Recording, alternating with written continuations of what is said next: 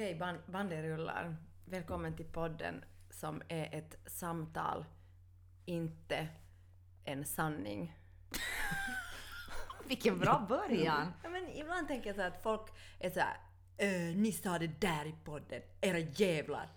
Och så tänker jag att men ehm, det är ju ett samtal. Okej, Ja. Och, bra. och där hör ni någon annan än Sonja och Johanna. Det är sant! Vi har med oss en man i podden. Alltså sorry, nu, nu känner jag dig genast. Ja, jo. Jo, men si som fan. Alltså antar jag. Så att, ja. Vi har med oss mannen, myten, legenden Emil Fackjesson. Nej, vi har med oss vår vän Emil, Grudemo El Människan Emil. Vad härligt. Känd från radiopjäsen Senare, skriven och regisserad av Sonja Alfors. Så jättebra. Ja, och jag var Du har ju aldrig hört den. Vad har jag inte hört än? Nej, du sa det, men jag har aldrig hört den. Förlåt. Men, du, men det var jättebra att göra det. Ja, det var jättebra att jag... Det var faktiskt Men vadå, jag har väl hört den? Eller vadå? Sen har jag hört den. Aj, sen... Ja. Just det, okej. Ja, Senare, har senare, du hört den? Senare, ja precis. Ja, precis. Men du är också känd från vår fantastiska Blaufraus, alltså inte vår fantastiska föreställning Some plants need more light than others, but all need a little. Så jag menar, nepotismen fortsätter i hög grad. Gött. Vad tycker du om nepotism? Ehm, jättebra. Jag kan slå upp det ordet först och sen så fortsätter vi.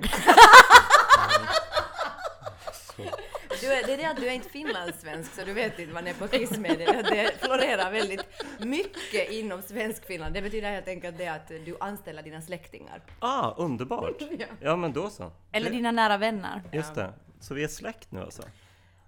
Ja. På något Ja, plan, på något säkert. Plan. Vad härligt. Du kom ju till Finland. Det gjorde jag faktiskt. Ja, Ja. ja. Och du är ju tillsammans med en finlandssvensk. det är sant. Just det, du är liksom, vi kallar dig mest bara hennes pojkvän. Ah, just det. Ja, men det är perfekt för mig. Ja, men då så. Ja, underbart. Tack, kul att vara här. Då tycker jag vi eh, startar det här samtalet. Men det här är ju alltså då ett samarbete med förlaget. Just det. Just det. Just det. Förlaget som är ett förlag. Är det inte roligt? Jo, men jag har hört dig skratta innan kring det här faktiskt. Så att, jo. Så att, ja. Who's the mama?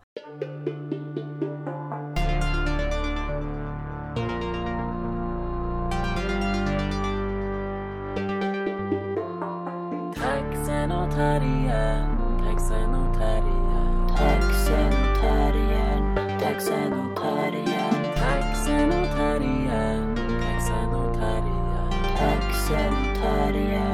taxenotarien, taxenotarien, taxenotarien. Eh, fint. Ett samarbete alltså med förlaget.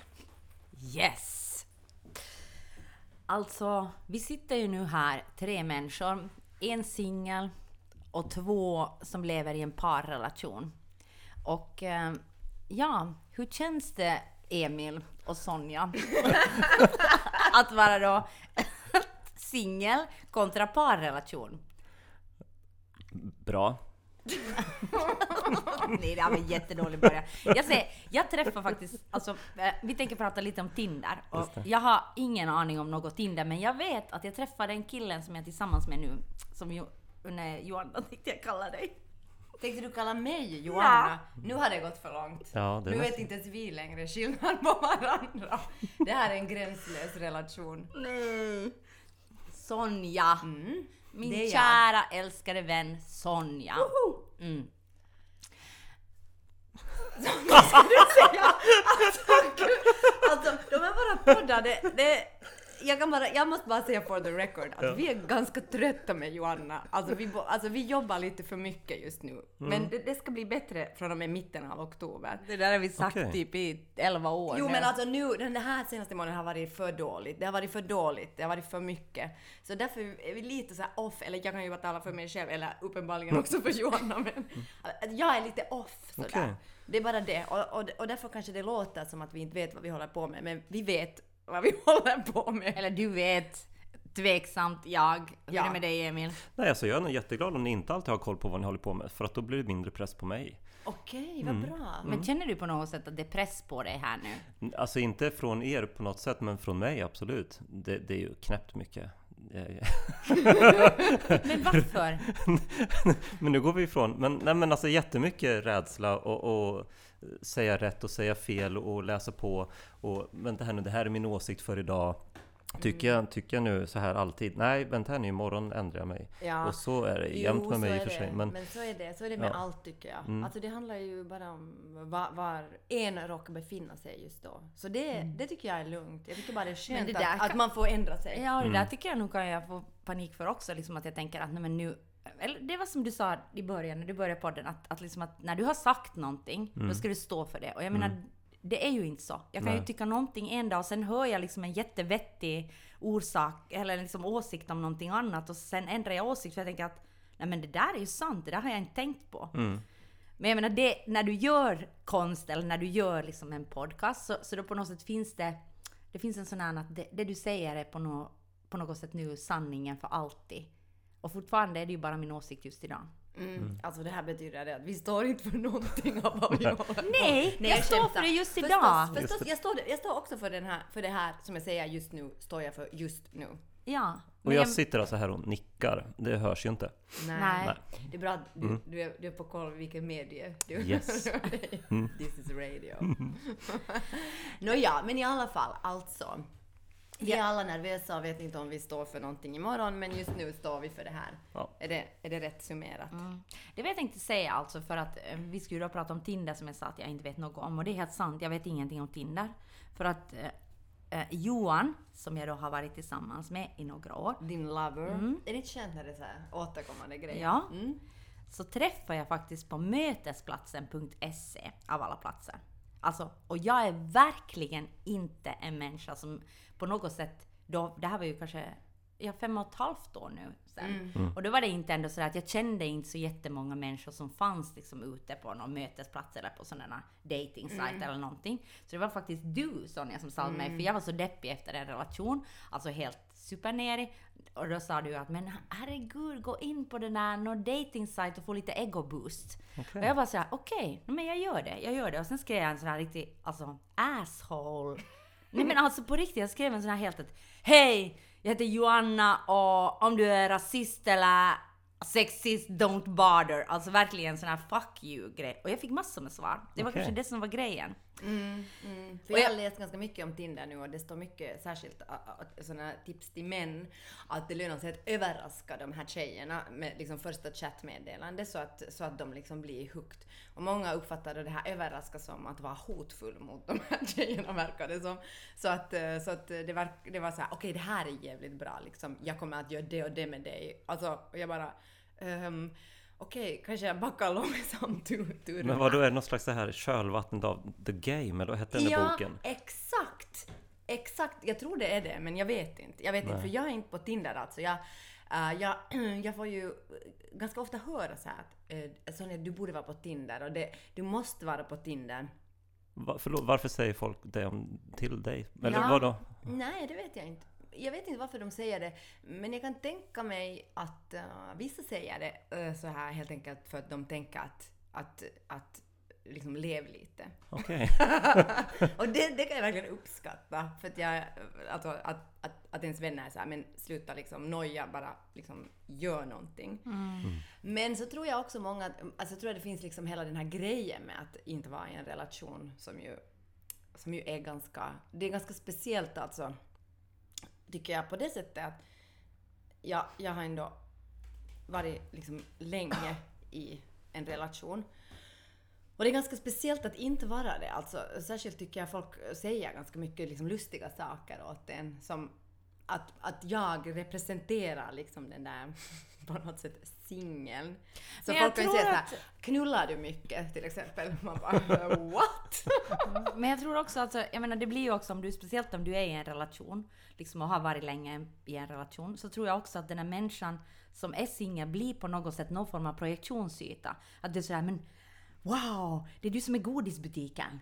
Du kan liksom, du kan göra vad du Ja. vill och du kan liksom ho ho ho och nu har du alla möjligheter. Wow vad spännande det där Du liksom måste livet vara på kan... Tinder. Ja. Men blir det någon slags kontrast till vart man själv befinner sig då? Alltså blir det någon slags idén om att, frihet? Jo, fast jag tycker det är lustigt på det sättet att det är ju jättefå, liksom, det är ju ändå få människor som lever som singlar.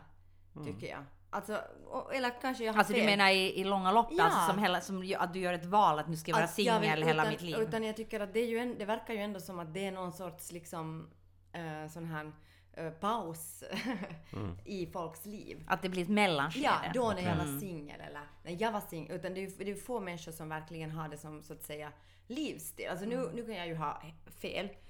Jag har verkligen ingen statistik på det här. Men nu är det ju många som tycker jag är sådär att nej, men jag vill inte ha något förhållande. Så? Alltså som aktivt väljer att säga att jag vill inte ha ett förhållande, jag trivs sådär, jag vill dejta många, jag vill, jag vill verkligen inte ha något fast förhållande just nu. Det tycker jag att är liksom sådär otroligt och när du läser om det där, det där för och mot Tinder så är det ju massor, massor med människor liksom som håller till på Tinder som verkligen är sådär att det finns ju olika begrepp som jag förstås inte kommer ihåg nu eftersom jag inte kommer ihåg namn.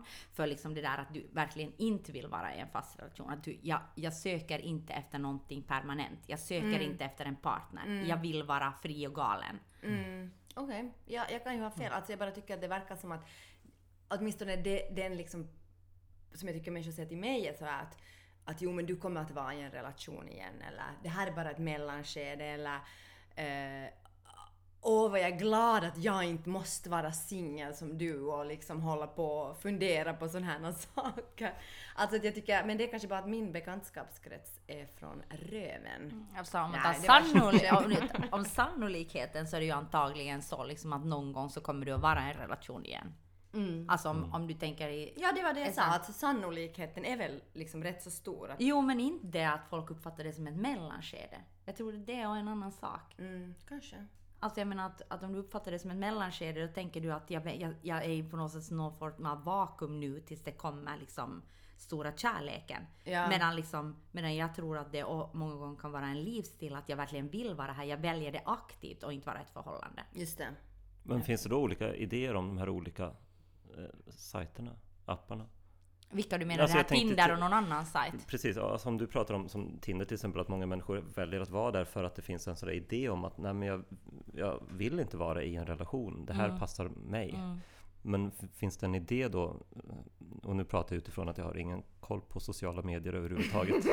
Så bra. att, det- ja, jag tycker vi ska alla prata från, från platser där vi inte vet. Men jag har ju aldrig varit på Tinder i hela mitt liv. Jag Nej, pratar nej. ju bara liksom nej, men om jag vad jag har läst. jämförelse, men det som du pratar om med, med det här andra som du pratar om. Mötesplatsen.se. Perfekt, tack, det hade jag redan glömt bort. Ja, ja, och det finns en skillnad där. Nej, jag tror att då innan Tinder, det fanns ju inget Tinder på den tiden då, Mm. när mötesplatsen.se när jag var för fem och ett halvt år sedan. Då var det liksom, då fanns det olika sådana match.com och liksom Ja, det. mötesplatser. Och det Just det. fungerar på ett lite annorlunda sätt tror Mm. jag, för att där, vad jag har förstått på Tinder, det är ju att du sätter upp liksom en profil med en bild och sen Mm. skriver du ganska kort om dig själv. Om du skriver alls. Om du skriver alls. ingenting. Och Okej, med mötesplatsen till exempel, så där var det ju att du skulle gå igenom en ganska lång profil. Ja. Det är liksom vilken politisk åsikt har du, vad liksom är dina fritidsintressen, Mm. vad liksom, och då utgående från liksom, du skriver ganska mycket om dig själv på många Mm. olika plan. Liksom. Vill jag ha barn? Vill jag inte ha barn? Vill jag ha ett seriöst förhållande? Vill jag inte ha ett seriöst förhållande? Och är lång. Så då matchar det ihop dig liksom med andra människor. Så när du då scrollar liksom på olika Mm. människor så visar det okej, den här människan har du 88% match med, den här människan har du 60, den här har Okej. du 50. Hur mycket hade du med Johan då? Alltså det var, jag tror att det var liksom säkert någonting dit mot 70-80 någonting sånt. Men det var också liksom att vi hade båda liksom konst och kultur och mycket liksom eh, vänster och alltså jag menar hela, alltså jag menar det fanns mycket liksom beröringsytor på det Just det. sättet. Okej. Just det. Men att jag tror, alltså när jag tänker på mötesplatsen, så om inte det skulle varit för dig Sonja så skulle jag aldrig ha träffat Johan. You owe me one. Ja. men, men att, ja så länge det är bra. Ja, sen Sen när det blir du bara... Då- Men jag menar att, men jag menar att där tänker jag ändå att, att jag tror inte kanske att jag direkt skulle ha börjat liksom chatta med Johan. Han hade inte liksom världens bästa profilbild. Så det var inte liksom sådär att... Hade, ja, jag vet vilken Nej men alltså det var Okej. inte världens bästa Nej. profilbild. Så det var inte liksom heller direkt så jag tänkte att wow, wow, wow liksom på det sättet. Utan det var också liksom det att han skrev till mig och så började jag titta och så började jag titta liksom på det där grejerna. Så på det sättet så kan jag tänka att kanske mötesplatsen.se var lite liksom djupare än det där Tinder. är. Men, men nu har jag ju inte varit på Tinder så jag vet inte hur det funkar. Men har, du har kollat upp det? Jag har inte kollat upp Nej. det. Nej, nej, nej, nej. Jag, har ju, jag, jag sa att jag skulle göra det till den här... eh, ehm, till den här podden så sa jag att jag skulle göra, gö- göra ett Tinder-konto åt mig men alltså jag, jag, jag kunde inte göra det. Varför? Jag vet, jag vet inte, alltså jag tror det har, det har liksom så många orsaker som jag, jag, jag kanske är lite för personliga för att gå in på nu men, men alltså eh, liksom orsak nummer ett är det att jag tänker att jag är snyggare på foton. Va? Okej. Alltså det skulle vara så jobbigt att liksom att, att sen på något sätt att ha det där liksom foto av sig själv och sen liksom besvikelsen i personens ögon när den ser en live. Alltså jag bara fixar alltså det. Det skulle jag liksom inte klara av. Så det, det går inte. Och jag kan inte heller liksom välja något sånt här mellanfullt. Alltså jag, nej det, det var liksom... Och så tänker jag att Helsingfors är en så liten stad att jag skulle liksom kanske känna till många som är där. Och det är länkat till din Facebook-profil. Okej. Så det är ju, och det gjorde mig helt jättestressad. Av någon orsak. Men kan man måste vara länkad Ja. till ens Facebook-profil? Det googlar jag också ganska mycket. Det, må, alltså det verkar som att det måste vara länkat. Och det bygger på fotot? Förlåt? Bygger det på fotografier? Ja. Så att Men det, du kan välja några vilka foton. Jag tror inte att du måste ha några foton från Facebook. Nej, det behöver du inte. Du får välja sex. Det läste Ja, jag på. ja Okej. men du måste länka det till ett Facebook. Annars tror jag att det ska vara så mycket Jo, jo, men det, men, men, men det bygger på att någon ser ett foto. Aha, Ja. det, här, är- det här är bra. Exakt men så ingen det. text. Mm, Jag kan sätta text. Du kan sätta text. Men om jag Okej. inte sätter text och bara ett foto. Och sen, och sen bye bye. Eller hej på dig. Ja, just Okej. det. Det är Ja. så det fungerar. Men sen, sen tänkte jag också på det att jag faktiskt inte alls har lust att dejta någon. Och då, Det är en ganska Men då bra blev det det här orsak aktiva valet, eller, eller hur? Eller vad då? då kom jag på att då är det jättedåligt att ha Tinder. Eller hur? Ja, Ja. ja. så, ja visst. Så, så då gjorde jag inte det. Men det som jag gjorde istället var att jag att jag eh, fick eller att jag kollade upp att min favoritserie, alltså någonsin, som heter Tro, hopp och kärlek, som har gått en säsong på SVT. Men får jag ännu säga någonting Ja. där innan du, Ja. innan du går vidare Ja. med det? Jag tänkte bara liksom att att, att jag tycker också att, att jag kan ha liksom ett motstånd mot det där liksom vad jag läst om. För jag tycker att det bekräftar så mycket när jag läser om det. Så Mm. mycket stereotypier av liksom att hur vi framställer oss. Mm. Liksom med att, med att jag menar att eh, tjejer liksom sexiga. Och när han, vi, vi träffade en kompis till oss som berättade liksom att det finns också mönster, liksom vilka bilder som, som killar sätter upp. Att det är en bild liksom med bar överkropp, en bild där liksom en kille står och lagar mat, kanske i kombination med bar överkropp. en bild när, eh, träningsbild. Ja. Och sen var det ännu någonting annat. Var det någonting annat? Och, och tjejer hade djur tillsammans med djur. Eh, sen var det träningsbild, en ute och festa med kompisarna. Och jag menar, på något sätt blir det där för mig, det blir för matematiskt. Det blir på något sätt sådär uttänkt att det bygger så mycket liksom på vissa mönster. Att det här liksom är det vi går går igång på. Och då tänker jag att för mig blir det liksom sådär, det går emot hela min liksom feministiska själ på något sätt. Att jag ska bygga någonting som, som på något sätt är så mycket yta och så mycket stereotyp. Mm. Men jag tycker också att, att ja, alltså det här kan ju hända att det här är helt sådär last century. Att jag tänker att kärlek eller förälskelse för mig har alltid eh, liksom har någon form av eh, element av liksom galenskap. Eller att, att, att någonting omöjligt, att, att man blir förälskad i någon som man inte alls egentligen skulle matcha med. Alltså förstår ni? Att det finns den här Ja. galenskapen i det.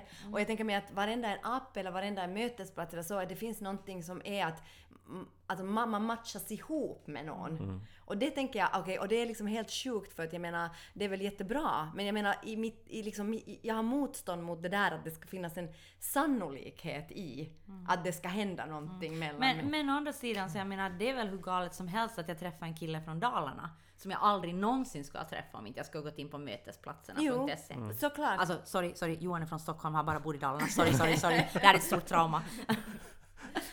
Jo, jo såklart, såklart, men jag bara tänker att jag, alltså... Ja, det är svårt för mig att tänka mig att jag skulle vara i en situation där jag skulle vara liksom set up med någon. För att jag skulle ha som motstånd den, av, av liksom den... Mm, men, men så kan det ju vara i verkliga livet också, att du går på en parmiddag och det är ett setup liksom. På något sätt. Och sen plötsligt träffar du någon. Eller du är liksom, alltså jag menar alla omständigheter. Det finns ju mycket att... Nåja visst, du kan ramla över någon på krogen. Men det kan nog vara att du har gått dit till krogen för du tänker du ska träffa någon. Mm. Mm. Hur träffade du Lydia? Oj. Eh, eh, oj. Eh, eh, det, det måste ju varit... Ja, vad är det? Kontakter och utbildning och sånt då? Ja, Ja. det var liksom helt sådär. Det var inte via någon kontaktannons. Du skrev inte “Jag är Emil, en glad kille på...” Jag är Om du är rasist, sexist eller chauvinist, Ja. ta inte kontakt. Ta inte kontakt. Ja, nej, jag fick ju ingen kontakt på det. Eh, eh, nej, men nej, precis. Nej, så att det var inget sånt. Utan nej. Nej. Mm. Nej men okej, jag, jag förstår ju det att, liksom att, att det ofta är så att, att du liksom blir på något sätt set up ändå. Alltså av omständigheterna eller av, ah, jag vet inte, jag vet inte. Kanske jag ska bara ladda ner den där Tinder-appen, jag vet inte. Men det som jag också tänkte på, när jag tänkte på liksom den här mötesplatsen som jag var ganska sådär besatt av, det är ju liksom att, att jag är en människa som liksom... Mm, där dofter betyder jättemycket, eller lukter. Att jag menar att jag kan bli... li- Att jag liksom har jättesvårt för om någon um, luktar illa eller luktar på ett visst sätt eller kan bli... Sonja, nu flyttar Sonja sig långt borta från mig, men du är ofta gott Sonja. men jag menar att... Eller, eller, eller liksom att om någon doftar jättegott eller liksom om saker doftar. Att jag, att jag, känns, jag tror jag har en känslig näsa helt enkelt. Och, det, och det sägs ju, alltså källa moi, att vad heter det, mycket av attraktionen liksom är också dofter eller lukter. Och det tänkte jag på med Johan för vi hade då, tror jag, chatta och skypa i liksom nästan en och en halv månad före vi sågs.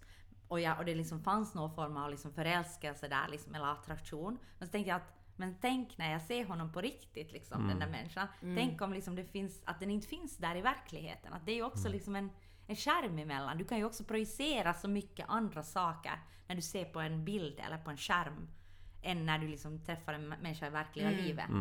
Så jag menar att jag tänker ändå att det där Tinder eller mötesplatsen, alla det där, det är väl liksom ändå någon start på något. Men det, det, det kan ju inte ske där. För fortfarande är det ju den där intimiteten på något sätt, eller den där närheten, eller den där... eh, Att verkligen vara där med den där människan som är liksom... Det stora. Ja, Mm. eller så tänker jag. Det tror jag Men det är steg två i sånt fall? Alltså, Ja. alltså då kommer ju det. Ja, Så det är klart, om, om första mötet får ske via en skärm så är det fortfarande som så att det måste ju komma ett steg två antar jag. Mm. Och steg två, då kommer det där som inte bara är intellektuellt utan när kroppen får spela in. ja. Och därför menar jag liksom också kanske att det inte betyder så mycket det där att de att du ser ut, okej det är klart att du kan få en första chock liksom. Att jag menar att, är första chock att när, när, när, när jag ser... som ser mig bara Ja, Du såg inte ut Nej, men, bild." men jag menar med, med Johan också när jag såg honom då efter att ha sett på den skärmen, så inte såg han ju ut, inte ser ju människor likadana ut på bild. Nej, alltså det det, är ju, det är ju liksom tvådimensionellt. Plötsligt är det ju någon människa som har liksom, Ja. alltså du kan inte föreställa hur lång är han, Nej. hur liksom, alltså vad alla det där. Och det är ju klart att han inte såg ut, alltså jag kan inte säga om han såg bättre eller sämre ut, det kan, jag jag kan inte relatera till det. Men bara att det var annorlunda. Ja. Och då fick jag ju på något sätt vänja mig vid liksom den här människan på något sätt, okej, det här är den här människan. Och sen får du långsamt att börja på något sätt hitta, hitta den där verkliga då, förälskelsen om den kommer eller inte. Liksom. Men, jag, men jag tror egentligen inte att det spelar, det där utseendet spelar så stor roll när du verkligen ser om du bara ger det Nej, tid. nej, Förstår nej, du? såklart inte. Men när en, en Tinder till exempel är så mycket uppbyggt kring, eller det är ju bara i princip uppbyggt kring de här bilderna, så då blir det ju en sån sjuk ångest. Men i alla fall så började jag titta på mitt favoritprogram Tro, hopp och kärlek som är en eh, realityserie på SVT som ha- handlar alltså om, om präster som, som dejtar. Alltså det här är liksom, alltså det här är av alla... Guilty pleasure. Nej, alltså bara pleasure. Alltså av alla serier jag har sett i hela mitt liv, och det är många, är det här den absolut bästa serien. Har du sett den här? Wow. Nej, Vet alltså du jag om har, den? jag har, jo det vet jag. Jag har kollat och förstått vad det är för något. Men jag har inte tittat på programmet. Alltså, Alltså det är ju samma som när Bonde söker fru och Men nu liksom är det det där singelmamma söker. just det. det. är samma upplägg Nej, Sonja. det, alltså det här är så bra. Det har jag inte sett på. Det här är så bra. Och alltså nu ska jag berätta varför det här är alltså det bästa jag någonsin har sett i hela mitt liv. Det är det att de här människorna är så otroligt glada. Alltså de är så, alltså de är så glada över att de har den här chansen. De är så glada över att de får träffa de här människorna. Alltså de är till och med glada när de är ledsna alltså. Så är de så här: okej, alltså de är på något sätt så ledsna att det inte blev dem, men ändå är de glada för att de har fått liksom vara med i det här programmet. Det är ju hela Alltså- programupplägget. Men- men får jag Vad bara ska du säga- säga Emil? Nej men pratar vi om prästerna nu eller? Nej, de som får alla, träffa alla, alla? som är liksom med. Alltså Jaha. det finns ett sånt... Och alltså, okej jag generaliserar lite nu, men alltså för mig är det, är det så, alltså jag, när jag, för mig är det så här. När jag tänker på förälskelse eller kärlek, Mm. så för mig är det alltid kopplat till en rätt så stor mängd ångest. Alltså att på något sätt att måste liksom... Vad menar du? Nej men... Alltså, jag, jag, Nej, men alltså, jag alltså tänker- det finns så mycket som är så svårt i det att på något sätt möta en annan människa, tänker jag. Och då när jag ser det här programmet så är de på något sätt, de, det är som att den där ångesten finns förstås inom de alla människorna. Alltså jag, jag menar inte att förminska dem på något sätt. Alltså det här är verkligen ingen... Utan, men, men det finns också en sån... Det verkar finnas en sån glädje i dem att bara få möta en annan människa. Och för mig är det liksom som att se på Skiffy. Alltså, eller, alltså det är som att de är så... Alltså det finns en sån... Och sen ja, ja, ja, alltså de kan säga liksom jag är så förälskad i henne. När jag såg henne redan på TV visste jag att, att hon är den. Och sen säger de någon, nej vi, vi ska inte ses mera. Och då är de så här, ja. Nej men alltså det blev inte vi men det finns andra tåg att hoppa på. Alltså, och för mig är det bara så fantastiskt för att jag tänker så här att för mig att få att bli liksom, eh, vad heter det, rejected. Eh, Avvisad. avvisad. Alltså det är bara liksom det är så otroligt svårt och det blir så det blir liksom personligt på ett plan som blir helt alltså dimensionerna är liksom onormala. Och då är det här så terapeutiskt för mig att se på det här programmet. Jag tänker, de är glada, de vill träffa varandra och sen om det skiter sig så är det inte så farligt. Och därför är det här det bästa programmet jag har sett. Men kan ni känna igen det då? Att, att det liksom finns en, en ganska stor liksom mängd ångest i förhållande till förälskelse? Jag tycker att det kanske ångesten liksom finns i det att du måste ehm, släppa taget på något sätt. Att du måste ju liksom... Mm, att jag måste... eh, kanske let go. Alltså, ja det är samma sak. Släppa taget. Men att jag, att, jag, att jag på något sätt måste ta bort alla, alla liksom skyddsnät.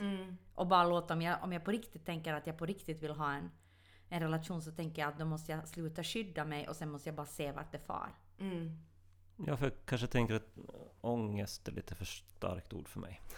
Just där, men, men, men att det kanske får handla om en... Eh, jo, men den där för, förmågan att förstå vad är det jag vill och är jag villig att prata om det? Och, och att därigenom så tycker jag mycket om det där försvinner. Alltså att... Eh, ja, men vad tänker jag nu då kring det här mötet med den här människan och hur vill jag att det här ska fortgå? Och hur vill den andra människan att det ska fortgå? Och då, då, då, då kanske jag kan tycka att det är ganska jobbigt för då måste jag ju öppna upp någonting som kan vara ganska känsligt och ganska tungt. Eh, och inte Exakt. tungt som är negativt utan bara svårt. Eh, men är jag, kommer jag till den punkten då jag faktiskt har träffat en människa då jag är villig att göra det, då är det ändå väldigt trevligt att jag befinner mig i ett stadie av att vara villig att öppna de, eh, ja vad man ska säga, dörrarna. Ja. Och då tycker jag inte att det är så mycket ångest längre utan det kanske bara är svårt. Men att det, att det på något sätt finns någon form av... Att du måste ju på något sätt ha någon form av tillit Ja, för att våga göra det. ja. Men kanske det handlar då på något sätt om något självförtroende eller någon liksom mm, känsla av att okej att om... om Inte självförtroende, självkänsla tror jag. Okej, just det. Att du har någon form av själv... Eller sådär att, att om det här inte blir något så är det in- ingenting som jag behöver liksom dö av. Mm. Ja, men jag, jag, tänker, jag tänker kanske att du inte heller måste förbereda dig på det. Att om det inte blir någonting. Ja. Alltså det, jag tänker väl att du är väl där i den stunden då och tänker att jag ger det här nu och sen får jag ta det andra sen. Mm. Men om du hela tiden förbereder dig på att det kanske inte blir någonting, då har du ju ändå de där skyddsnäten där hela tiden.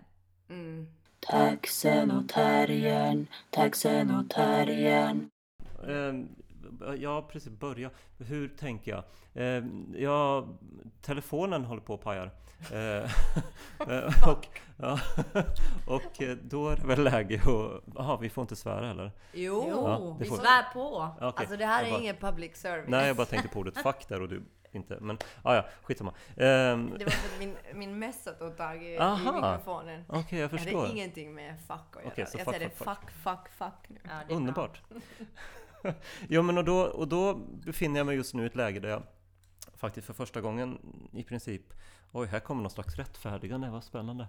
Eh, I alla fall, då jag har möjlighet att köpa någonting för en lite större peng. Eh, och, eh, Hur då- känns det? Ja, men det, det är jättekonstigt och det, det, det är faktiskt jättemärkligt. Ja. Alltså det är också jätteskönt men, men det blir otroligt mycket skam upplever jag. Att jag, ehm, ja, Alltså menar du att du har ekonomisk möjlighet liksom på grund av att Just du nu det. har liksom ett jobb och Mm. har just kommit från studier? Liksom, Ja, där du precis. Inte ah, okej. ja och det är liksom i princip, alltså jag vet inte, det är första gången någonsin och mm, ja, med tanke på Ja, vi kan börja prata klass och grejer sen. Eh, men hur som helst, eh, och då befinner jag mig i ett läge där jag har möjlighet att köpa någonting. Eh, tekniskt. Eh, och, och då, wow, kul! Och då så läser jag på liksom alldeles för mycket. Eh, lä- alltså jag läser på jättemycket för att göra rätt val eh, och det ska hålla länge och så vill jag göra ett val som jag känner mig nöjd med och så ska jag vara glad och så ska jag tycka att det är helt okej att lägga ut alla pengar. Men du vill ha en smartphone? Shit vad den här Ja. telefonen ska representera jag vet, mycket för det är dig. så jävla mycket drömmar och fantasier Ja, verkligen. och massor det är av som skuld. Tinder för mig. ja, precis. Ja, men och sen nu har jag gjort ett val. Eh, toppen. Och då, då börjar jag läsa på om, om telefonen Fairphone. Alltså så Jag här hade rätt, aldrig hört om Fairphone. ja, men det är så rättvisemärkt i princip telefon där, ett företag försöker se till att, att Eh, att det inte ska vara konfliktmineraler. Mm. Ehm, Mm. Och att eh, människor inte ska dö i någon gruva liksom. Bara för att hålla på att det ska bekosta någon krigsföring. Det eh, låter rimligt. Visst låter det rimligt? Mm, Absolut. mm. Ja, och, och då helt plötsligt så funkar ju inte det med mitt val. För att det var inte det valet jag gjorde. Det. Du hade inte valt Fairphone. Nej, jag visste inte ens om den. Men vad gör du nu då? Ska Ja, du köpa då- en Fairphone? Jag vet inte. Nej. Nej, jag har inte en aning. Den kostar ju mer än vad jag har tänkt att lägga. Men, men samtidigt så befinner jag mig i en position just nu som gör att vad är det som gör att jag ska ställa mig över det där? Ehm, ja, då, för att då så tänkte jag på en annan grej. För att häromkvällen så cyklade jag och, och partnern hem. Eh, och då avbröt vi bråk. Eh, då var det en ung man som slog en ung kvinna. I Helsingfors? I Helsingfors, ja. Och då avbröt vi det här och såg till att det inte fortsatte.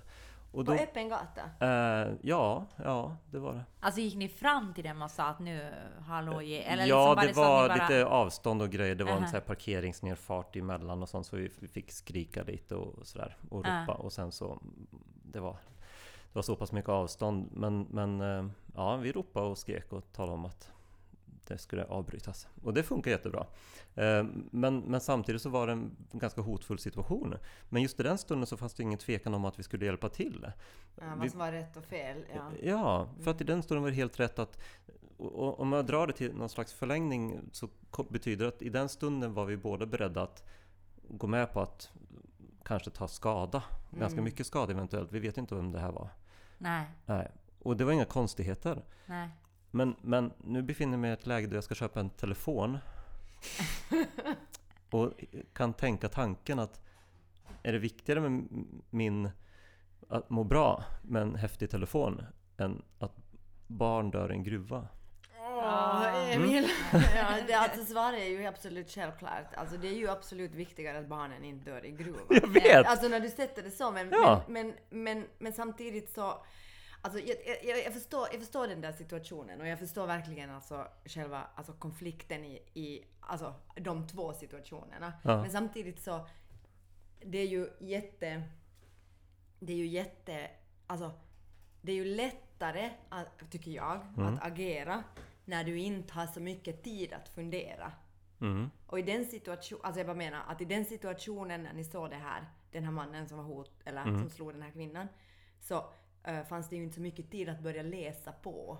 Men det, jag tror inte att det handlar om För det mig- heller. för mig handlar jo, det men jag det. tror liksom att jag menar, det handlar ju också om någonting som du ser rakt, som är rakt framför dig och någonting som händer någon annanstans. Mm. Alltså jag menar psykologiskt så handlar det liksom, tror jag. Ja. För nu vet inte, jag inte om det handlar för dig, men jag menar att det är lättare för mig att gå och köpa ett icke- icke-etiskt liksom plagg Mm. än att liksom se någon människa som liksom sitter och ticker framför mig på gatan. Mm. Alltså jag menar, jag, jag liksom för att det händer ju någon annanstans. Jag ser ju bara det där plagget här med den där människan som tigger på gatan så ser jag ju rakt framför mig. Eller jag menar nu eh, så är det ju liksom lättare, mycket lättare för att jag känner nära till hands liksom att jag ska gå och protestera på, på måndag eh, för att för polska kvinnors rättigheter för den sjuka abortlagstiftningen som är eh, som är på G. Och jag menar det är liksom jätte, till hands för jag har jättegoda vänner i Polen. För vi har gjort en produktion. Och jag menar då är, det, då är det mycket närmare det än någonting annat som jag inte har gått och protesterat för. Det För jag känner så otroligt stark solidaritet med dem för att jag pratar med dem. Jag vet hur mycket de lider, jag vet hur svårt de har det. Och då liksom jag, okej, men då är det lätt för mig att gå och protestera. Så för Ja, för mig, jag tänker mig också att på något sätt så kan det bli den här konsekvensen av ett tydligt vi och dem. Mm. Alltså som, som jag ser på en gång. Men och och vill, det här blir också någon slags form av, av rättfärdigande på något sätt att sitta och prata om det.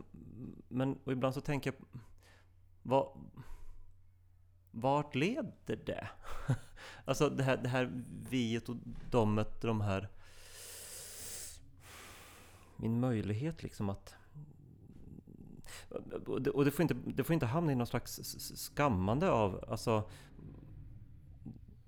har, är det en människa som inte ens har råd att köpa mat så kan jag inte säga till den människan Men hör du, varför köper du inte rättvisemärkt och ekologisk mat? Nej, nej, Nej, såklart utan det handlar om att, att för mig liksom att, att jag Ja, Men jag tänker på den där artikeln som jag läste, som Mm. Erik Söderbloms...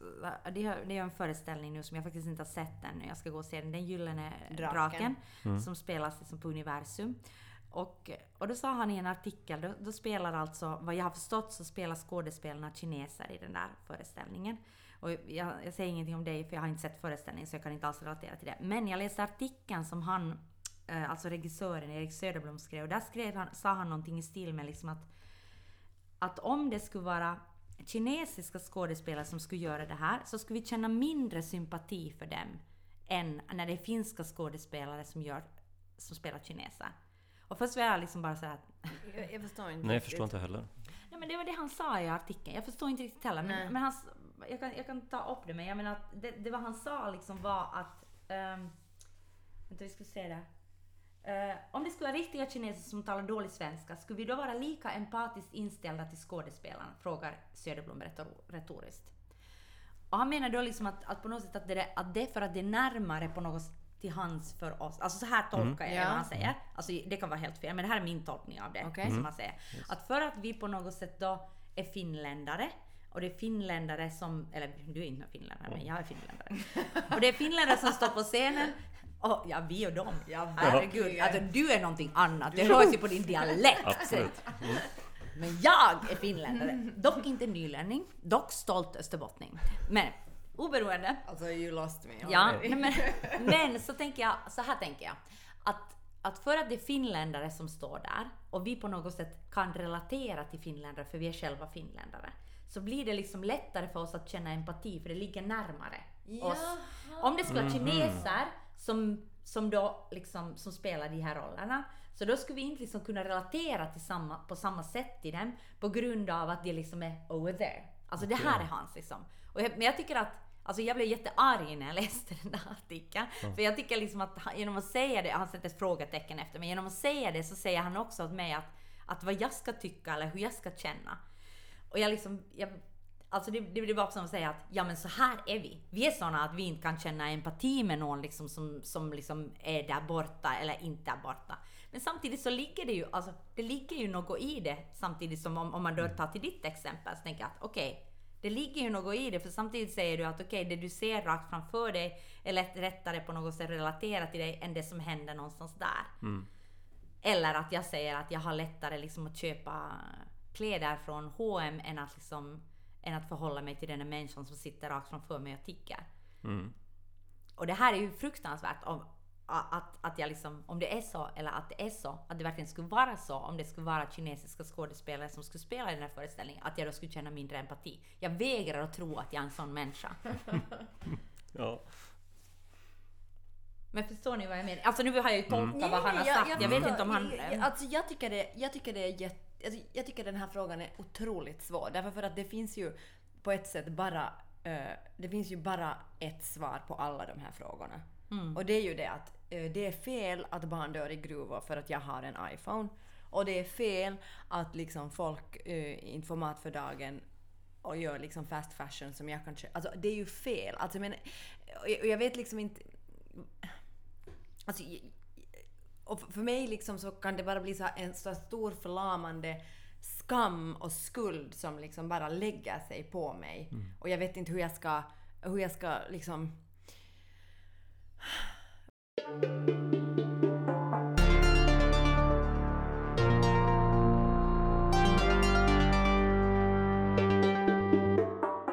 Den här podden är ju som sagt ett, ett samarbete med förlaget och... eh, Och varje gång vi säger förlaget så börjar vi skratta. Ja, det, Det är jätteoprofessionellt. Ja, det är av oklar o, o, anledning. Eller alltså anledningen är den att du sa att vi, du har sålt din reve till förlaget i den första podden. Ja, det är det som ligger sådär Och jag på något sätt i vårat kroppar. Ja, i min kropp ligger det Jaha. att du har sålt det. Men alltså, vem har sålt vad, det vet vi inte.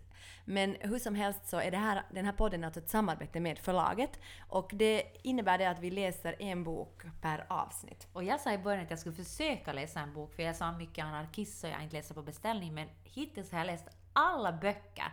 Alltså jag på något sätt, jag, jag är i ett nytt skede av mitt liv. Wow. Min anarkism håller på liksom att förtvinar. Eller så bara, Okej. kanske den tar en, en annan skepnad. En motstånd mot böcker. Nej! Jag har inget motstånd mot böcker. Ja. Nej, jag har, jag har aldrig haft motstånd mot böcker. Jag har motstånd mot böcker som andra rekommenderar. Ja, det har du. Du har motstånd mot allt som andra rekommenderar. Exakt! Så är det. Men eh, till det här avsnittet har vi alltså läst eh, Sara Ratzais bok Djävulen är en lögnare. Och eftersom vi sysslar med härskartekniker i Blau Frau så har Emil fått reda på att han ska vara med i den här podden så sent att han inte har haft möjlighet att läsa den. Hur känns det Emil? Jo tack, jättebra. Jo, men det, det är Du är utsatt för en härskarteknik. Mm, jo, check. Och nu, ja, och nu, ska, och nu ska vi då prata jättelänge om en bok som Emil inte har läst. Men jag kommer lyssna intresserat. Jaha, Ja. ja. Och, sen, eh, och sen kan vi ta det vidare till något ämne som du kanske har något att säga om. Skönt. Den här boken handlar om ett dygn i några människors liv. Det är Mary och Hope som är bästa vänner. Och de är typ 17 år gamla, ska jag säga. Och sen är det då deras mammor. Marys mamma heter Aina och Hopes mamma heter Gloria. Och eh, Hope och Gloria har blivit deporterade till Kamerun. Eh, typ för, när den här dagen utspelar sig så har det här väl skett för något år sedan. De har varit typ ett år i Kamerun. Eller det är någon tidsperiod i alla fall. Ja, ett år vet jag inte om jag hade den Nej men det är i alla fall inte igår. Det var liksom. Sonjas killgissning. Nej men okej, shit samma. Men alltså det är inte igår utan de har varit där i Kamerun en tid. Och den här Mary ehm, gör ingenting. Hon går inte i skolan, ingenting. Hon, hon, hon är i princip hemma i sin mammas lägenhet. Och hennes mamma kommer in allt emellanåt och, och köper mat åt henne. Den här mamman har flyttat ihop med en, en man i en när, och de bor liksom i en stadsdel li- liksom Och. Hope gör heller ingenting i Kamerun för att de går i... Och det som jag skulle säga är liksom grunden med den här boken, det är att båda de här mammorna har ju gjort val liksom där de på något sätt har väl tänkt att de ska göra livet bättre genom dels att göra en klassresa och dels genom att liksom på något sätt sälja sig inte sälja sig så att de får pengar, inte, jag menar som, inte som en prostituerad, men sälja sig åt män. Alltså leva på mäns villkor. Mm. Det har båda, båda föräldrarna. För den här um, Gloria, så hon liksom då har sett det som en utväg att komma från liksom Kamerun och den fattigdom som är där genom att gifta sig med en finsk man, vilket då resulterar i att det blev bara helvete och sen blev de deporterade och samma med den här Ainas, alltså den här Aina som är Meris mamma, så hon har också gift sig med en finsk man som då kommer från ett bättre område än hon själv. Och där hon då lever helt på hans villkor och han vill bara förändra henne. Så båda har på ett sätt liksom väldigt likadana omständigheter. Och båda har på något sätt också lämnat sina barn ganska mycket för sig själva. Mm, ja. Och, den här, och det utspelar sig under ett dygn när den här Meri som då är i, bor i, i Gårdsbacka som är en förort till Helsingfors, eller det, ja, det hör till Helsingfors men i alla fall så mm, hennes granne kommer på morgonen och knackar på och säger att, att, eh, att, att hon inte kan ha sitt barn den här dagen och ge, den, ge det här barnet till, till Mary och säga kan du ta hand om Utan att Mary hinner protestera. och det här, dottern heter Rihanna och hennes leksakskanin heter Chris. det är jävla roligt. Men, och, och, och, så utspelar sig den här boken alltså under ett dygn när, när den här Mary på något sätt försöker förstå vad hon ska göra med det här barnet, hur hon ska klara sig med det och Och också klara sig utan sin eh, vänin, Bästis. bästis som de på något sätt håller kontakten via Facebook. social- Facebook hela tiden och via chatten och den här dagen så loggar hon inte in på Mm. Facebook. Så att hon är liksom helt utelämnad åt sig själv. Och det är ett jätteberoende förhållande på något sätt Mm. mellan dem också. Att de har liksom klarat sig tack vare varandra. Och nu är de på två skilda håll och ska på något sätt förstå vad meningen med livet är och vad de överhuvudtaget ska göra i sina liv. Mm, mm. Jag, jag måste säga att jag tyckte... Jag läste den här boken otroligt gärna. Den var, den var på något sätt... Ja, den, liksom, den, den grep mig ganska snabbt. Men det som jag tänkte mycket på i den här, det var liksom nog att... Alltså, dels det att jag... Alltså, att jag det är väldigt länge sedan jag har läst en bok som har varit eh, helt och hållet... Eh, alltså, som jag uppfattar det, nu vet jag ju inte om det är så, men det här är så som jag uppfattar det, alltså fiktiv. Att jag uppfattar liksom som att de här människorna mm, liksom finns kanske... Alltså författaren var, hade inte skrivit in sig själv i, i den här boken. Jag tänker att på sommaren läste jag eh, Elena Ferrante, min fantastiska väninna, och den uppfattar jag som totalt självbiografisk. Och sen läste jag den Ölbecks Underkastelsen och där den uppfatt, uppfattar jag också som självbiografisk, eller självbiografisk, det är ju inte en, en så, men alltså att det verkligen handlar om en författare som och så vidare. Och att det här tyckte jag, det här var det liksom verkligen att, att det, här, det här var liksom 17-åriga tjejer som var i, i, i på något sätt i huvudrollen. Och jag antar att den här författaren inte är en 17-årig tjej. Och jag tänkte mycket på det här alltså med helt enkelt med fiktion och autofiktion och avsändare och, och i konstnärliga sammanhang. Alltså att, för det är ju sånt som vi har liksom sysslat mycket med också. Alltså frågan om vem har rätt att prata om vad. Och jag, och jag, jag liksom, jag, jag, jag stred, eller för mig, jag stred lite med den här liksom frågan kring det här alltså att, att alltså om jag nu talar lite om mig själv så, så vi har ju i Blaue Frau jobbat jättemycket ut, utifrån liksom oss själva och våra egna erfarenheter. Och orsaken för mig har ju varit den att jag har liksom uppfattat i den klassiska dramatiken och också liksom inom teatern att det har funnits så otroligt lite speglingsytor för mig som har varit relevanta. Och då har jag tänkt att okej, att då måste jag på något sätt spegla mig i mig själv, i mina erfarenheter. För de så att säga kvinnoroller som finns är inte, liksom, de känns inte relevanta för mig. Men, men det finns, jag tycker det finns ett jättestort problem alltså i, i det här, den här liksom, idén om autofiktion. Alltså som vi ju verkligen håller på med. Och det är ju det att, att, att, att frågan blir ju att har, man, har en bara rätt att prata om saker som en har på något sätt direkt erfarenhet av? Alltså när går du över till någon slags kulturell appropriering eller vad är liksom vad är en konstnärs ansvar i förhållande till fiktionen? Mm, och där tycker jag liksom kommer ännu en, också eftersom liksom hela skådespelaryrket alltid har liksom på något sätt byggt på att vi kan spela barn, vi kan spela gräsbo, vi kan spela spe- sten, vi kan spela hund liksom. Jag spelar dem alla. Ja, jag har spelat dem alla. Så var går sen gränsen liksom? Alltså för mig blir det liksom ett, ett dilemma som skådespelare. Jag måste säga att jag, jag vet inte riktigt var gränsen går. Alltså jag tänker så här, att för några år sedan gjorde vi en pjäs, det här är ganska många år sedan, som hette Svåraste det med de värdelösa. Där jag spelade en liksom tjej med funktionsvariation som satt i en rullstol. Normativ funktionsvariation. Ja, normativ funktionsvariation. Tack Sonja. Och då kan jag säga, okej, eh, jag har ingen erfarenhet av det, annat än via min väninna Sonja som har en dotter med en normativ funktionsvariation. Men liksom, räcker det? Räcker det om jag har en liksom... Alltså vad, vad är det? Har jag rätt att spela det? Har jag rätt att göra det? Har jag rätt att spela lesbisk på tjejscenen? Har jag rätt att spela... Eh, alltså var går gränsen? Kan någon berätta det för mig? Emil! Men vad, alltså, upplevde du då att du hade rätt? Eller? då upplevde jag, då liksom tror jag inte jag problematiserade så mycket. Också för att, för att för mig var det också, alltså jag menar Blaue Frau, att vi har gjort så mycket, eh, alltså det är också en del av den autofiktionen, att vi har gjort så mycket pjäser och föreställningar som har relaterat till var vi har befunnit oss i livet. Som när, när Tyra var i dagis, till exempel min dotter, då gjorde vi dagispjäser och då kämpade hon jättemycket med det där att kan prinsessor vara modiga? Så ah fan vi gör en pjäs om prinsessor som kan vara modiga. Och då liksom handlar det på något sätt också om liksom för mig handlar det jättemycket om, om din dotter Sonja. Att, jag, att jag tycker okej att vi har liksom spelat så mycket som har gått sådär att, va, att det här är ju liksom förstås något som vi måste prata om. Sonja har en dotter med en normativ funktionsvariation. Vi måste ju på något sätt ah, göra någonting om det här. Men samtidigt var det ju folk som såg den här pjäsen som hade sådana barn som blev jätteupprörda. Liksom som tyckte att man på något sätt um, gjorde den här mamman så elak och så vidrig. Att, att vi som har såna här barn med haratassar så kämpar så mycket att så måste ni då dessutom göra liksom uh, mammarollen som en häxa på något sätt. Och det var också väldigt märkligt på det sättet, det kom ju människor som alltså var rullstolsburna och så en pjäs där en människa som kan gå spelar en person som är rullstolsburen. Alltså nu är det ju någonting som är märkligt i det. Ja, Mm.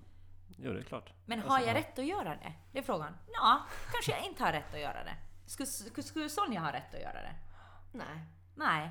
Men, men alltså Men vad... vi gjorde ju det då. Men alltså, gjorde. Och, och då. Men det här är faktiskt 2011 då åtminstone i Helsingfors fanns inte den här diskussionen. Nej, nej, men jag menar att var, var går gränsen? Jag måste liksom? bara säga observans! Ja, men jag menar, har jag rätt att spela? Jag menar, vi gjorde också Tenna. Mm, som handlar liksom om en människa då som... ehm, en kvinna som lever som man, som, Mm. som handlar om den där, utgående från den där filmen Boys Don't Cry i alla fall. Och jag menar, då spelar jag ju också något som jag inte, som jag inte har erfarenhet av. Men jag menar, hade jag rätt att göra det i den föreställningen? Alltså, så var går... Alltså jag, Alltså vad är fiktion? ja. Och vad har jag rätt att gestalta på scenen? Det är nej, jag tycker det är jättesvårt. Jag tycker det är jättekrångligt. Men det är för det är klart att det är vi som tar oss rätten att berätta berättelsen. Eh, och det är klart att om jag åker till Syrien och har lust att berätta en berättelse om en människa i Syrien så är det ändå jag som tar mig rätten att berätta berättelsen men inte tillåta människan i sig att göra den själv. Ja. Ja, så på så sätt är det lite märkligt att jag bara, det, nej men det är jag som har möjligheten, det är jag som väljer att berätta berättelsen. Ja. Men, men om, jag, om jag inte skulle gå med på att låta människor få berätta en berättelse så kanske vi blir ganska ensamma förstås. Ja, det håller jag med om. Och alltså, det som jag tänker ibland, alltså med mig själv när jag kan till exempel bli jätteupprörd på det att män spelar kvinnoroller i någon so- sorts liksom estetiserad version. Dels för att jag tycker så här, vad fan ska man ta liksom de enda vettiga kvinnorollerna ifrån kvinnorna? Och för det andra för att jag tycker att det blir någon, estet, alltså det är någon estetisering som ir- irriterar mig något oerhört i det. Men samtidigt så, så är det ju liksom Alltså det blir, det blir ju problem, det blir problem om jag alltid måste ha de exakta erfarenheterna för att kunna få göra ett konstverk. Jag menar, måste ha blivit våldtagen för att kunna spela en våldtagen. Mm. Till exempel. Alltså. Jag tänker till exempel i den här boken, äh, Djävulen är en lögnare, så jag, jag utgår ifrån att, att, att den här författaren, nu, nu kan jag ha fel, men jag utgår ifrån att hon inte har alla de här explicita erfarenheterna som de här fyra människorna har i den här boken. Men jag, jag måste säga att jag, jag njöt mycket av att läsa den och jag fick också på något sätt en jag fick också liksom, jag fick veta någonting om mig själv liksom i förhållande till min egen kvinnlighet när jag läste den här boken. Eftersom jag, jag tyckte att de här kvinnorna på något sätt, de, de, som du sa, de stred jättemycket i en liksom man's world. Men samtidigt fanns det också en kvinnovärld som också var otroligt liksom eh, begränsande och stereotyp. Alltså att jag tycker att den var, den var intressant hur den liksom, eh, eh, alltså den här frågan om liksom hur du på något sätt representerar ditt egna kön när du måste spela kvinna. För- Som på Tinder. Exakt! Nej men så att jag menar att, ja. Men jag menar det att, att jag tänker att, att, men jag kan också förstå, alltså jag menar att jag vill ändå försvara mig själv, eller liksom den, alltså jag tycker det, det som du säger Emil att, alltså det finns jättemånga frågor där jag inte upplever mig inkluderad som kvinna. Då, Okej, visserligen vit, heterosexuell, bla bla, men ändå som kvinna upplever jag att jag inte är inkluderad i de här frågorna. Och då blir jag ju arg. Då säger jag att ni har inte rätt att... Alltså varför ni, ni måste ha in någon som kan representera mig. Men problemet blir ju att ingen kan ju representera mig. Mm, nej men nu kan du ju känna igen dig i vissa saker i alla fall. Ja, och, och jag tänker mig också förlängningen, den ultimata förlängningen är ju att det räcker att ha vita män på scen. För Vad att, sa du just? Alltså den ultimata förlängningen av det blir ju på något sätt att det räcker att en vit man är på scenen för att den vita mannen kan spela kvinnan eh, eller pojken Mm. från Syrien. Eller det spelar, spelar ingen roll. Ja, I och för sig, det är så det kanske till stora delar är så att det funkar ju Ja. tydligen. Men att, ja, så att det är klart att det, det, det blir ju ganska mycket problem då. Ja. Alltså, Jo, förstås. Jag, och jag förstår det. Och Men, jag förstår men det. är det någon skillnad Men- liksom, jag menar, är det någon skillnad också, för jag tycker också liksom om man tänker på män spelar kvinnor så görs det ju oftast liksom, alltså det är ju väldigt stereotypt och det görs liksom väldigt sådär icke respektfullt tycker jag. Liksom, men är det någon skillnad om du liksom ändå på något sätt försöker göra det respektfullt? Nej, jag tycker det är en sakfråga faktiskt. Mm. Jag måste säga, jag tycker det är en fråga om liksom, alltså det är en fråga om, ja, nej. Jag tycker inte att det är någon skillnad. Jag bara funderar om jag upplever det Nej. som en skillnad när jag ser på det. Jag vet inte. men har det med någon slags alltså, tolkningsrätt Jo. att göra? Ja, vem har, vem har tolkningsföreträde? Ja. Är det ju. Så är det ju. Men frågan blir ju liksom, eh, när man tänker då till exempel de här människorna från Kamerun. Det är ju Mm. det som jag tycker är frågan, liksom, att, att ha en eh, människa som är född och uppvuxen i Finland rätt att skriva om hur det är att eh, vara eh, en kvinna som måste sälja sig själv till en man i Holland i, och bor, som bor i Kamerun. Alltså har du rätt att berätta den kvinnans historia? Och jag vet inte alltså. För mig är det, alltså, jag, alltså, jag kan bara säga att jag tyckte om den här boken, jag läste den jättegärna, men de här frågorna kom upp för mig eh, eh, ganska liksom mycket. Men nu, men nu gör vi ju liksom också, jag menar att, att jag menar i en bra värld så är det ju inte liksom det att man berättar alltså att det finns liksom, i- en bra värld så skulle det ju inte finnas heller att det här är liksom alltså hierarkier på det sättet. Att, jag menar då skulle inte en man vara liksom mer värd än en kvinna. Nej. Förstår du? Och då skulle du kunna spela hux flux alla roller. Men det problemet är ju liksom att vi lever i ett samhälle där liksom vita människor har mer privilegier än svarta människor. Till exempel. Såklart. Eller liksom att män har mer privilegier än kvinnor. Mm. Och jag menar det är ju där det blir ett problem. Alltså problemet är ju det samhälle vi lever i just nu. För jag menar att i en bra värld ska väl alla kunna spela alla. Mm. Ja, ja. Men för att alla ska kunna spela alla, för att man inte ska tänka att man spelar ner sig. Liksom, Mm. Eller gör någon kulturell appropriering liksom, med, med, den, med, den, liksom, med de prioriteringarna jag har och det, liksom, hur prioriterad jag är i mitt liv. Så då, då, då bygger det ju på att det finns någon form av jämställdhet och jämlikhet. Och det finns det inte nu. Nej, nej, och därför är det väl helt okej att spela sten eller grässtrå eller anka. Nå, ja, anka, det är ju då frågan. Men okej, nej, nej, jag skämtar verkligen. Men alltså jag bara menar att du kan ju spela de sakerna eftersom det inte finns en liksom, det finns ingen hierarki däremellan. Men, men då är det alternativet, blir alternativet då, då att vi bara ska spela liksom om våra egna liv? Att det enda jag kan berätta, det är liksom om mitt eget liv och när jag liksom har exakt de erfarenheterna som jag berättar om. Nej men det tror jag inte. Nej, För men var går blir det gränsen ja, då? Nej, det är det. Emil, var går gränsen? Nej, jag vet inte. Jag har inte bara lust att göra halvlibanesen liksom. Nej. Hela livet. Nej, och jag Det- har inte... ja. Mm. Det blir väldigt tråkigt Mm. förstås. Och det är klart att utan den där, alltså... Och jag tänker mig att det blir väldigt ensamt om det är ingen som vill stå upp för mig. Alltså om, inte någon annan har lust att stå upp för mig eller om inte någon annan har lust att hjälpa till i, i, någon, i någon kamp Mm. så kommer vi vara ganska ensamma även om jag tycker att det är bättre att vi kanske blandar upp saker också på en scen förstås. Och där Alltså- menar jag att, att finns det inte liksom nåd, det är där jag pratar om det här, Mm. att finns det inte nåd liksom på vilket sätt du gör det. Att jag menar att liksom om du gör någonting med respekt, eller i förhållande till att jag menar att, att om du har liksom, jag menar det att jag kan, eh, jag känner dig och din dotter, vilket betyder att då finns det ändå liksom någon form av respekt gentemot det tema om jag då spelar en, en, en människa med normativ funktionsvariation. Eller liksom spelar det ingen roll? Nej, jag vet inte. Men jag håller verkligen med dig Emil om det där med att det blir också väldigt ensamt om jag är den enda, om, om, om, om inga till exempel män skulle få vara med i den så kallade kvinnokampen. Mm. Då är det ju väldigt... Eller liksom om, om min kamp endast är min kamp. Mm. Nej, det tror jag inte på. Jag tror vi alla måste liksom kämpa tillsammans. Men frågan är väl när du tar dig rätt att föra någon annans talan. Det är väl där det liksom skiter sig. När jag tar mig rätt liksom och på något sätt sätter mig över någon annan och liksom föra dens talan. För Ja, att jag, jag säger så här att Ja. Emil, du känner nu så här i den här situationen på grund av bla bla bla. Ja, då blir det ju... Taxen och terriern, taxen och terriern. Hi Ola, are you there? Yes, yes, I am here. I can hear you well. Do you hear me? Yes, I do. That's great. We're so happy. Uh, I we just need to say that Ola is our really good friend from uh, a performance that we did uh, together with uh, the only feminist uh, theater group in Poland, actually, Teras Polis. Yes. And uh, Yes. we are so happy that you could be here with us today, even if you are on phone. And let, let's see if technique is on our side or not, we don't know. let's keep our fingers crossed for that. So it's it's uh, everything okay with the technique. Yeah, but but we were uh, really we have been talking a lot also in Finland about the situation in Poland with the new abortion law. Can you can you tell us something about that? Because it seems from here it seems like super frightening, and I can't even imagine how it must be over there. Well, actually, it is super frightening because uh, um, uh, it, it's still the same case. Uh, we were protesting uh, in April and May because uh, there is this kind of uh, proposal of a new law which would ban abortion completely.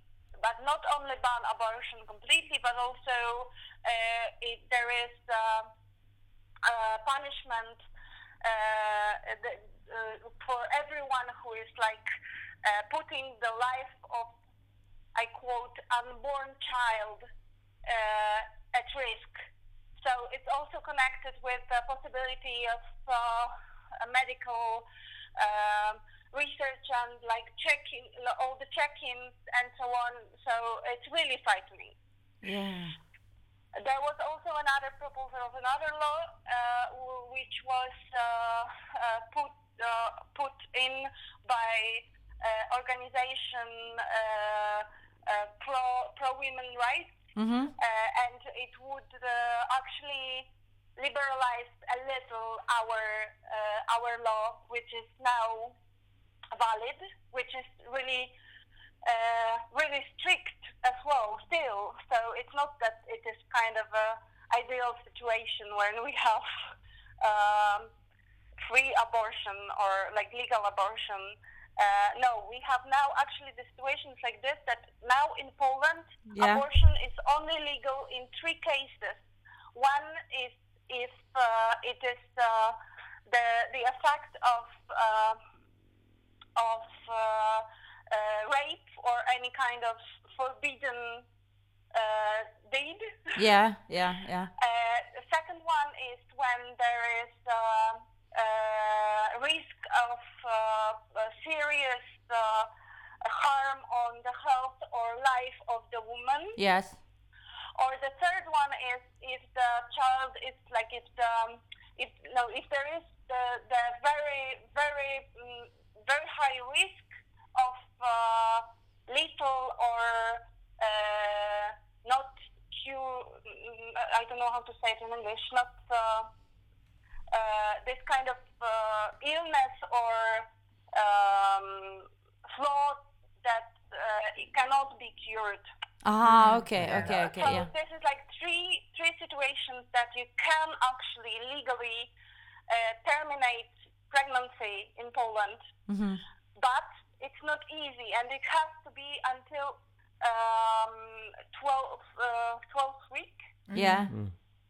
And uh, it's not easy because we have this kind of um, there is uh, that there is this uh, another law which says that uh, uh, doctors and nurses can actually um, refuse to terminate terminate your pregnancy if it is against their will, like if they're Catholics, for example, and they don't want to do something which is not. Um, which is for for them it's a sin. So they can actually tell you they won't do it. Okay, shit. But So this is like this is the situation which is now, and Yeah. the propo- proposed law is uh, like totally uh, uh, to, to totally ban uh, abortion. but Ola, what what can we do like in other countries to support you? Well, um, uh, now we are uh, preparing because it's uh, uh, as we are talking, it's uh, Sunday, the second of October, and tomorrow, uh, in the third of October, uh, it's gonna be uh, all uh, all Poland uh, female uh, strike, which is kind of uh, um, protest. We will also gather together in many different cities. So I know that there are other events that people uh, from around the world uh, around the world in different cities abroad also are gathering together Yes. dressed in black. Yes, Yes. we will, we Uh, will. Yeah, and with uh, hashtag Black Protest. Uh, and uh, that's what we are trying to do now, like to uh, say very loud and clear, we cannot allow them to uh, pass on the law. Okay. Uh, and we won't stop No. until they give it up. So the, the first thing that you can do is actually uh, support us uh, in media, on uh, on social uh, networks, and in real life. If you can, uh, for example, go and dress in black. Uh, uh, I don't know, somewhere near Polish embassy or somewhere, and, and take a picture and put it somewhere so we can know that because it's really important for us that we know that you are with us. Yes, we are with you, and super good luck to you in tomorrow. So I think we have to end this uh, discussion now. But but but thank you so much and good luck. And and you are not alone. No, you are not alone. We are with you all the way.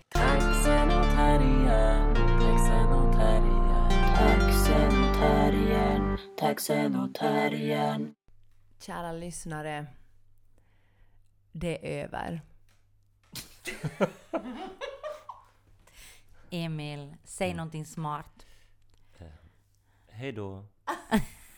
eh, ja, Det var smart. tack. Verkligen. Hej Emil, tack massor för att du har varit med. Eh, det var helt fantastiskt att ha dig här. Jättefint att du var här. Vad härligt. Och eh, vi vill som vanligt tacka förlaget som vi har sålt vår revy åt. Och Andreas Svanbäck för allt hon gör för oss. Ja, och jingeln är gjord av Systraskap Helen Korpark har tagit fotona. och Johan Isaksson har gjort vår logga. Det var väl typ, ja det bra. Okej, ni, ni hittar mig på Tinder. Ni hittar mig inte mera på metesplatsen.se. Emil hittar ni någon annanstans. Ja, någonstans.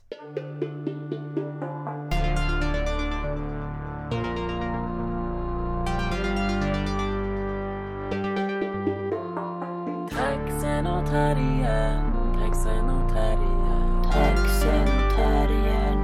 taxen och terriern, taxen och terriern, taxen och terriern, taxen och terriern, taxen och terriern.